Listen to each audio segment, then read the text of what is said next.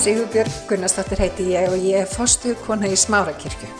Við langar til þess að bjóða þið velkomin í hlaðvarpan okkar en hér ætlum við að tala uppbyggjandi og hvetjandi orð.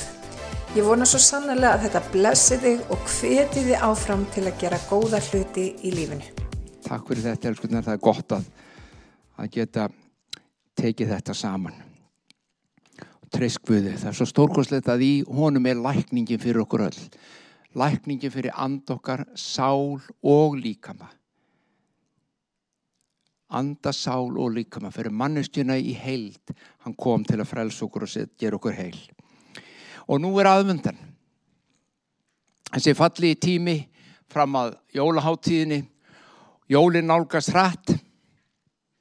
Kristin háttíð, svo sannarlega, bæði aðvendan og, og jólinn sjálf.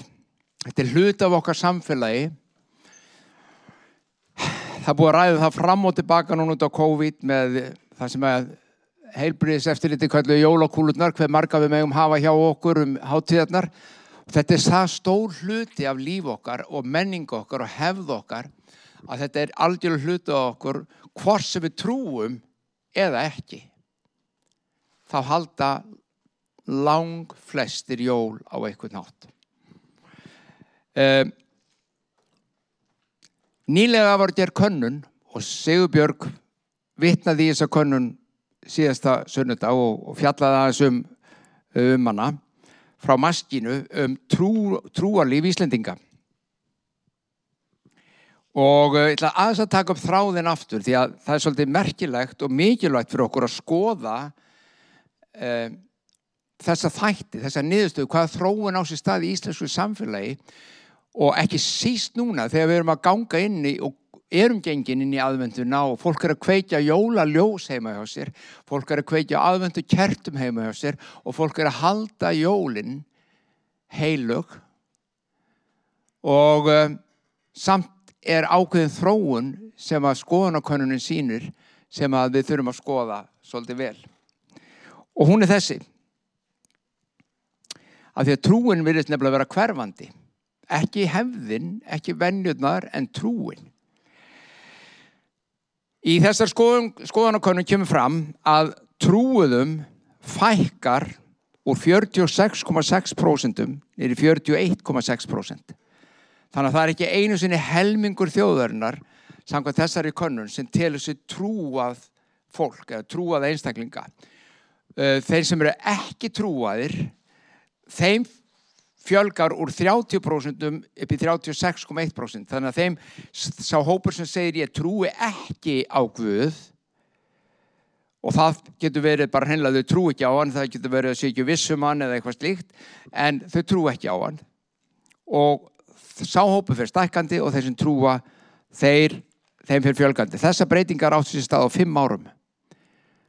Að við fimm ára tíumbil, því að síðasta konum var gerð fyrir fimm ára síðan, þá hefur þetta uh, breyst svona mikið. Flestir sem eru ekki trúaðir eru á aldrunum 18-39 ára. Flestir sem eru ekki trúaðir er yngra fólkið. Trúin ekst með eldri kynsluðinni. Og ég held að öll okkar geti átt okkur á því af hverju það er. Það er sá stóru hlut að sá bakgrunnur og það uppeldi og það líf sem við komum frá með úr æskunni þegar þetta var enn meira við líði og gildi meira heldur en gerir í dag. Unga fólk í dag hins vegar fyrir að misfi það kannski, elst ekki upp við á sama hátt og á þjóðsvon ekki trú. Svo er annar merkileg niðurstað sem kom í þessari konun. Trúleysið eigst með aukinni mentun. Og hvað segir það okkur? Það segir okkur Já, sumum myndi segja að því upplýstari sem þú ert, því auglösur er það Guður ekki til. Ég myndi orða þessa tólkun öðruvísi. Ég myndi segja því mentaður og upplýstari sem þú er ment, í mentafarfiðinum, því meira leggur þau tröstitt á vísindi og heimsbyggilega lausni frekarheldur en trúna. Og það er það sem er að gerast í heiminum. Nú, þetta er allt merkilega niðurstöður en það sem ég ætlaði raunverulega að tala um var, voru tölur sem eru hvað aðteglisverðastar í þessari konun og það eru þessar. Hvort sem þú trúir á Guð eða ekki þá eru 61,4% þjóðarinnar sem samþykja og játa kristna trú. Þetta er ekki það endilega að þau játi trú á Guð eða jafnvel að þau trúi því að Kristur hafi verið til. En þau trúa á síðabóðskap, á gildi kristina trúar og þau gildi og sábóðskapur er náttúrulega diagnosýrir Íslands þjófélag. En landslagkristinin er að breytast. Ekki bara hér á Íslandi, þetta er, ekki, þetta er út um allan heim. Meiri segja bandaríkjamenninni sem hafa nú verið þekktasti fyrir, hvað, hvað þekktasti fyrir svona uh, evangeliska hóp og, og miklu og sterkar trúarhefð, uh, það er sama þróun í gangi.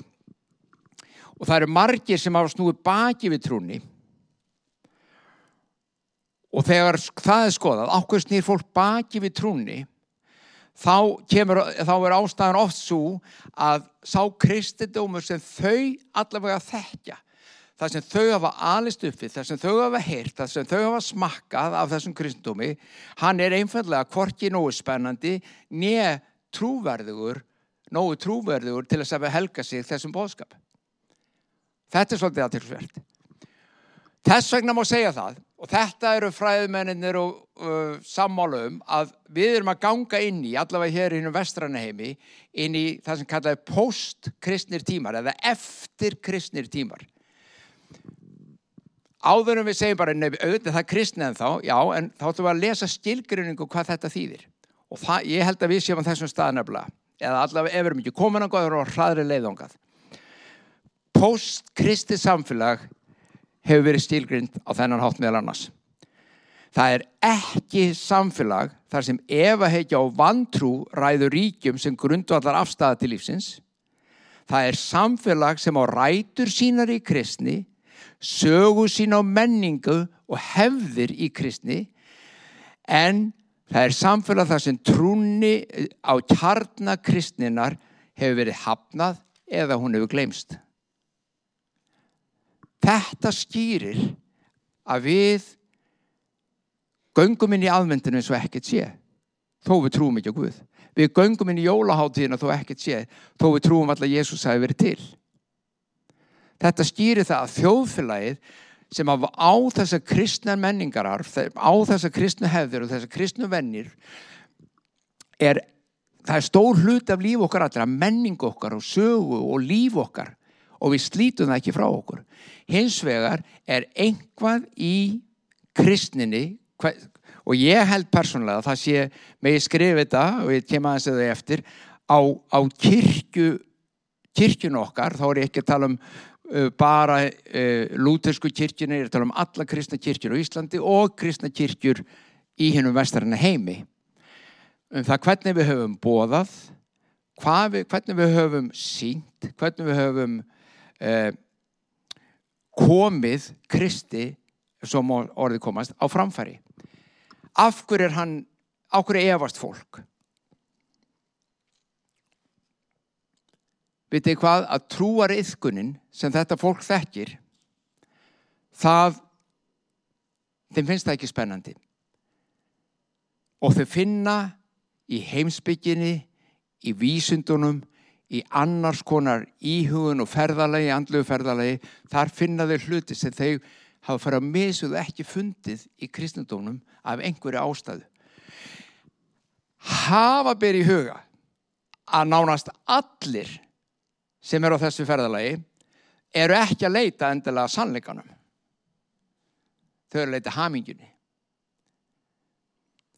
Ég segi þú finnur sannleikan og finnur haminguna, en það er ekki endur því að það er svona afstæðis ekki gangi. Það er, það er eitt er rétt fyrir þennan og annað er rétt fyrir hinn og svo framveist og þetta er að þetta ber alltaf sama brunni, þetta gengur út að gera okkur hamingusum þannig að þjóðin okkar er að leita hamingju og það er ekkit ránt við það að vilja vera hamingusamur en þau leita ekki lengur til kristinar trúar Þau láta kristna hefðir og líf og, og, og vennjur og allt bara vera hluta lífið sinn og þannig lifaði sínu daglega líf og siðferði reynaði að hafa kristilegt og svo framvegs. En þegar kemur á trúni þá eru þau allt unnum stað. Og það er, hvar höfum við, hvaða krist höfum við kent fólkinu, hvaða krist höfum við bóðað, af hverju er hann ekki, af hverju hefur hann ekki þetta aðdráttarafl sem að við vitum, sem við trúum á hann og höfum kynstunum, við vitum hann hefur. Ég hef sagt áður og ég segi það enn, ég trúi því að það sé vegna þess að við kynnum hann ekki rétt. Við uh, leggjum hann ekki rétt fram. Þegar við kemum með einhvern í heimsókn, hugsaður að við kemum með, ég tæki einhvern hérna úr hópnum okkar, ég að högni sittur hann, högni minn, við, við erum, ég far með högni í heimsókn til fjölskyldunar og, og ég kynn hann sem einhvern, ég veit ekki, einhvern henni svo hann er alls ekki og þau fór strax ákveðna mynda á honum og þau segja ok, þetta er alltaf alveg þekki en ég hef ekki áhuga að kynna þessu manni og svo framvegs og ég er búin að kynna hann einhvern veginn ránt, sjáu því það er að kynna vini sína á rángan máta. En ef við þekkjum þá og við viljum að aðri kynnist þeim eins og við þekkjum þá þá verðum við að leggja okkur fram um að kynna þá rétt. En þar heldum við farið á mis. Þar heldum við farið á mis ef við tökum þessa hérna bók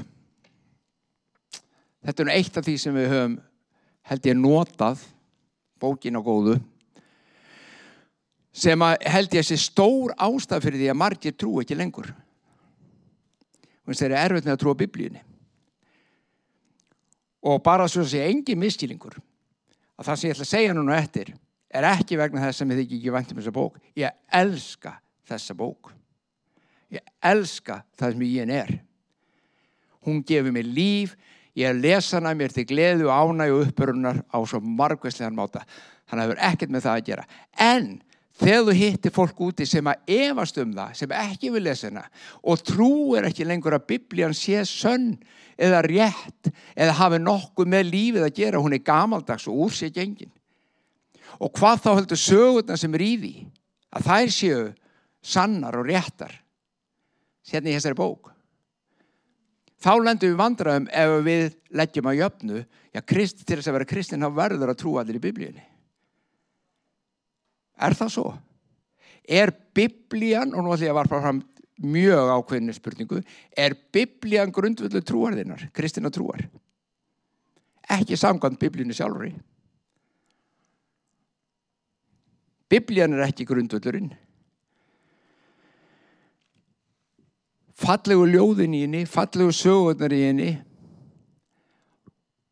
góðu pretingarinnar, hvort sem það eru innblásnar eða ekki, er ekki grundvöldun fyrir trúniðinni sem Kristína trúar.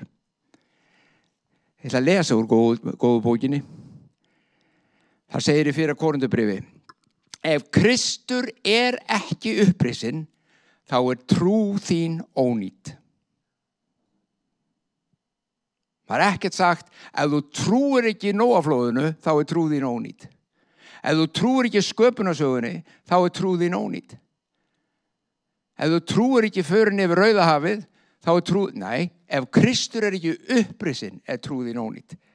Í Hebreabrefinu 12 segir, Jésús er höfundur og fullkomnari trúarinnar. Jésús er það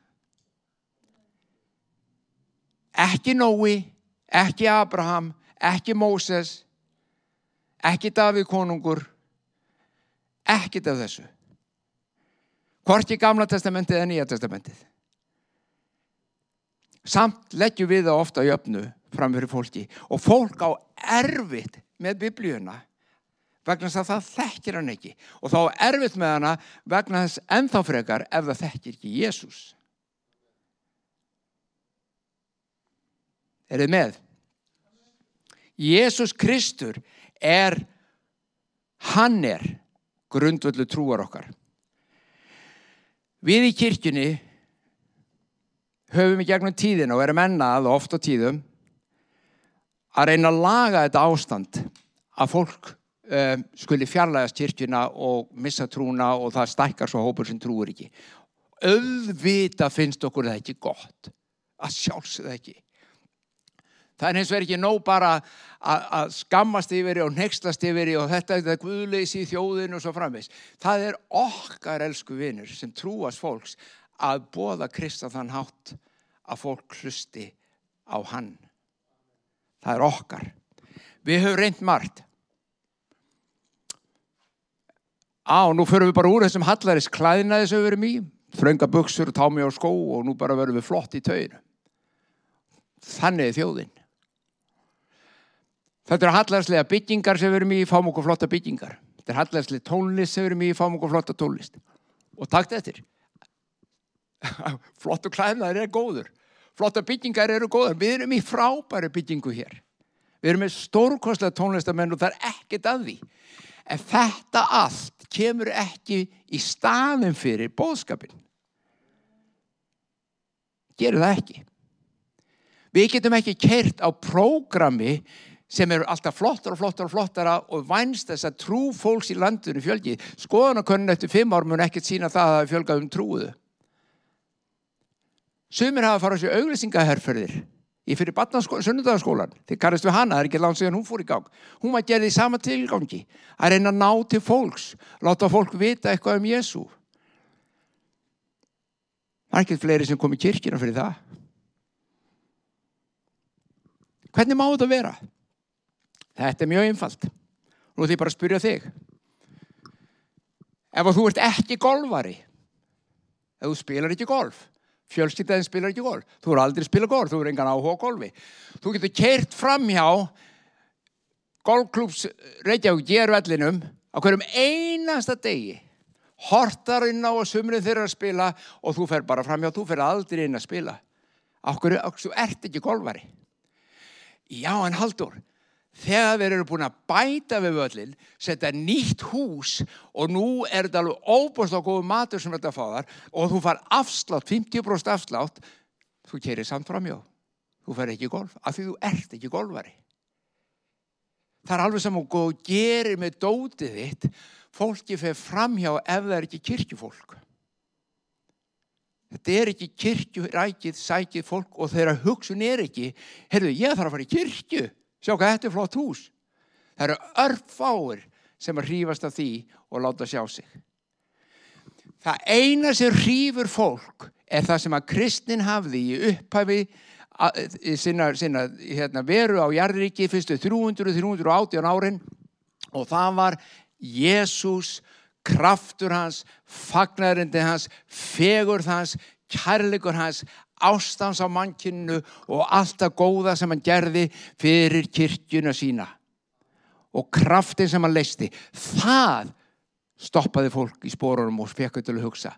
Það var eitthvað sem þau vildu sjá og ég hef sagt að ég sagði eitthvað til hún um daginn ég sagði þú þart ekki fæðingarvottur aðeins Jésu ef þú ert búin að kynast Jésu sjálfum þú þarfst ekki að lesa allt um það hvernig hann fættist og allt um þetta til þess að trúa því að sé til ef þú ert búin að hitta hann stilu hvað er að fara? Ég þarf ekki ef ég kem heim til þín sessnum með þér hitti þig teki höndin á þér þegar COVID er búið og við heilsumst og við tölum saman. Þú þart ekki að ná í ættar sögunina til að sannfara mig um að þú sér til eða sér sem þú segist vera. Ég trúir ég er búin að hitta þig? Trúin er nefnilega ekki hið ytra. Trúin er ekki dótið okkar trúin er reynsla mannsins hjarta af Kristi sjálfum. Og þegar að sér hann mætir hannum og veit það að hann er þá lifna trúin við. Þá lifna trúin við. Allt hitt er auka. Ég verð nú að við ekki en allt hitt er líka miklu skemmtilega margt sem við höfum gert. Það er ekki þetta að leita því. Það er bara margt það er allt til að fylgja því. Það er bara góðulagi og ég elska það. En það breytir engum hvað við þurfum að bóða það breytir engum hvað það er sem við þurfum að kynna.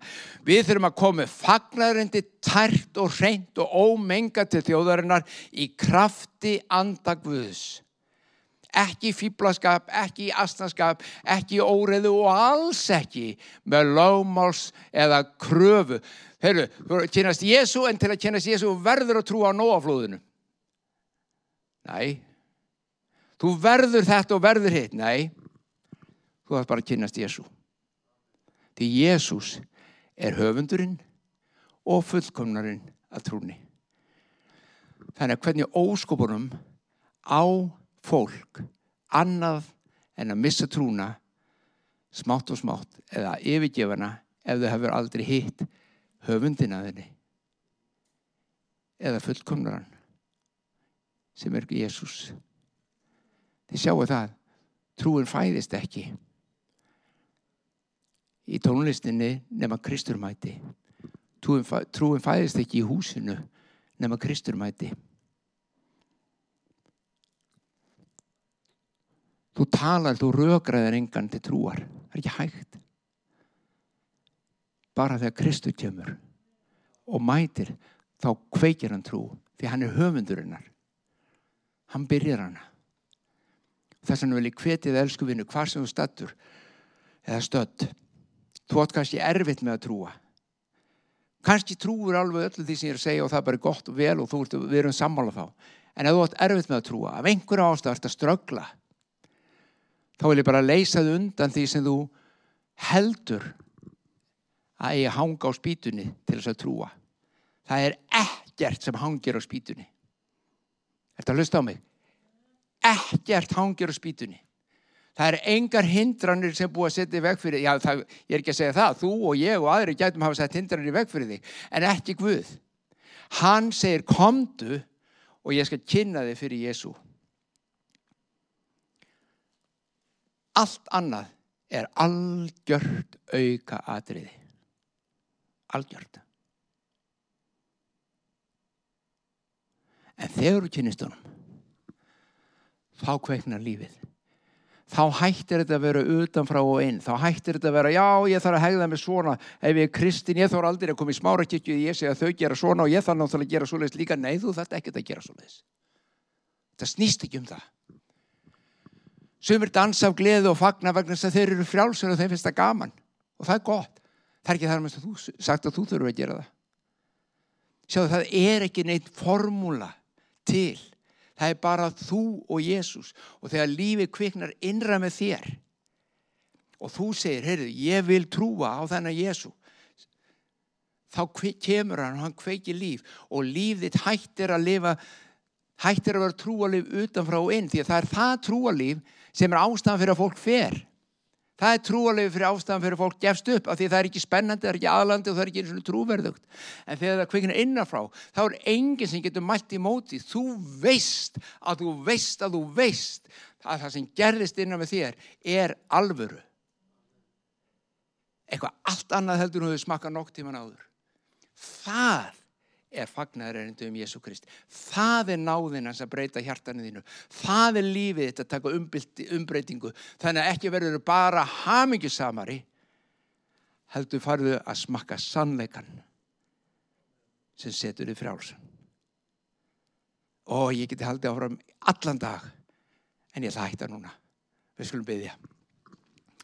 Fæðum minn við þökkum fyrir náðin og miskun, þökkum fyrir lífið sem við eigum í þér Þakka fyrir að dróttum minna þrátt fyrir að þjóðin virðist vera svona postkristin eða eftirkristin með hefðir og vennjur og líf og siðfræði. En ekki trú á þá þér ekkit um megn samt að koma og mæta hverjum og einum og sína sjálfa þig. Og ég byrði núna fyrir öllum þeim sem eru að hlusta fyrir þjóðin okkar. Gerð þú þig sínilegan Jésús ofinberaðu sjálfa þig fyrir anda þinn. Kontu með kraftin líf þitt og raunveruleika þinn. Raunveruleikar sem er aðri fyrir lífi sem við lifum í dag. Starri, harri, meiri falleri og setur okkur frjáls til að lifa í krafti andans innanfrá og út í lífin okkar kontu með þetta, Kristu minn. Mættu hverjum hverju einstaklingi sem er hlusta, hverju fjölstöldi ég byrði í Jésu nafni. Fyrir anda þinn heilagan í Jésu nafni. Amen. Guð blessi þið elsku vinnir það er gaman að vera saman. Og aðvendan er indislega og aðvendan er góð og jólinn okkar þau verða góð, þrátt fyrir góðvitt við höldum kúlun okkar bara lítillega eins og þau verðum búin að ráleitja okkur og njótu þess að vera saman í faðum fjölskyldunar og byggjum frelsaran um að mæta á sérstakanátt á meðal okkar. Amen.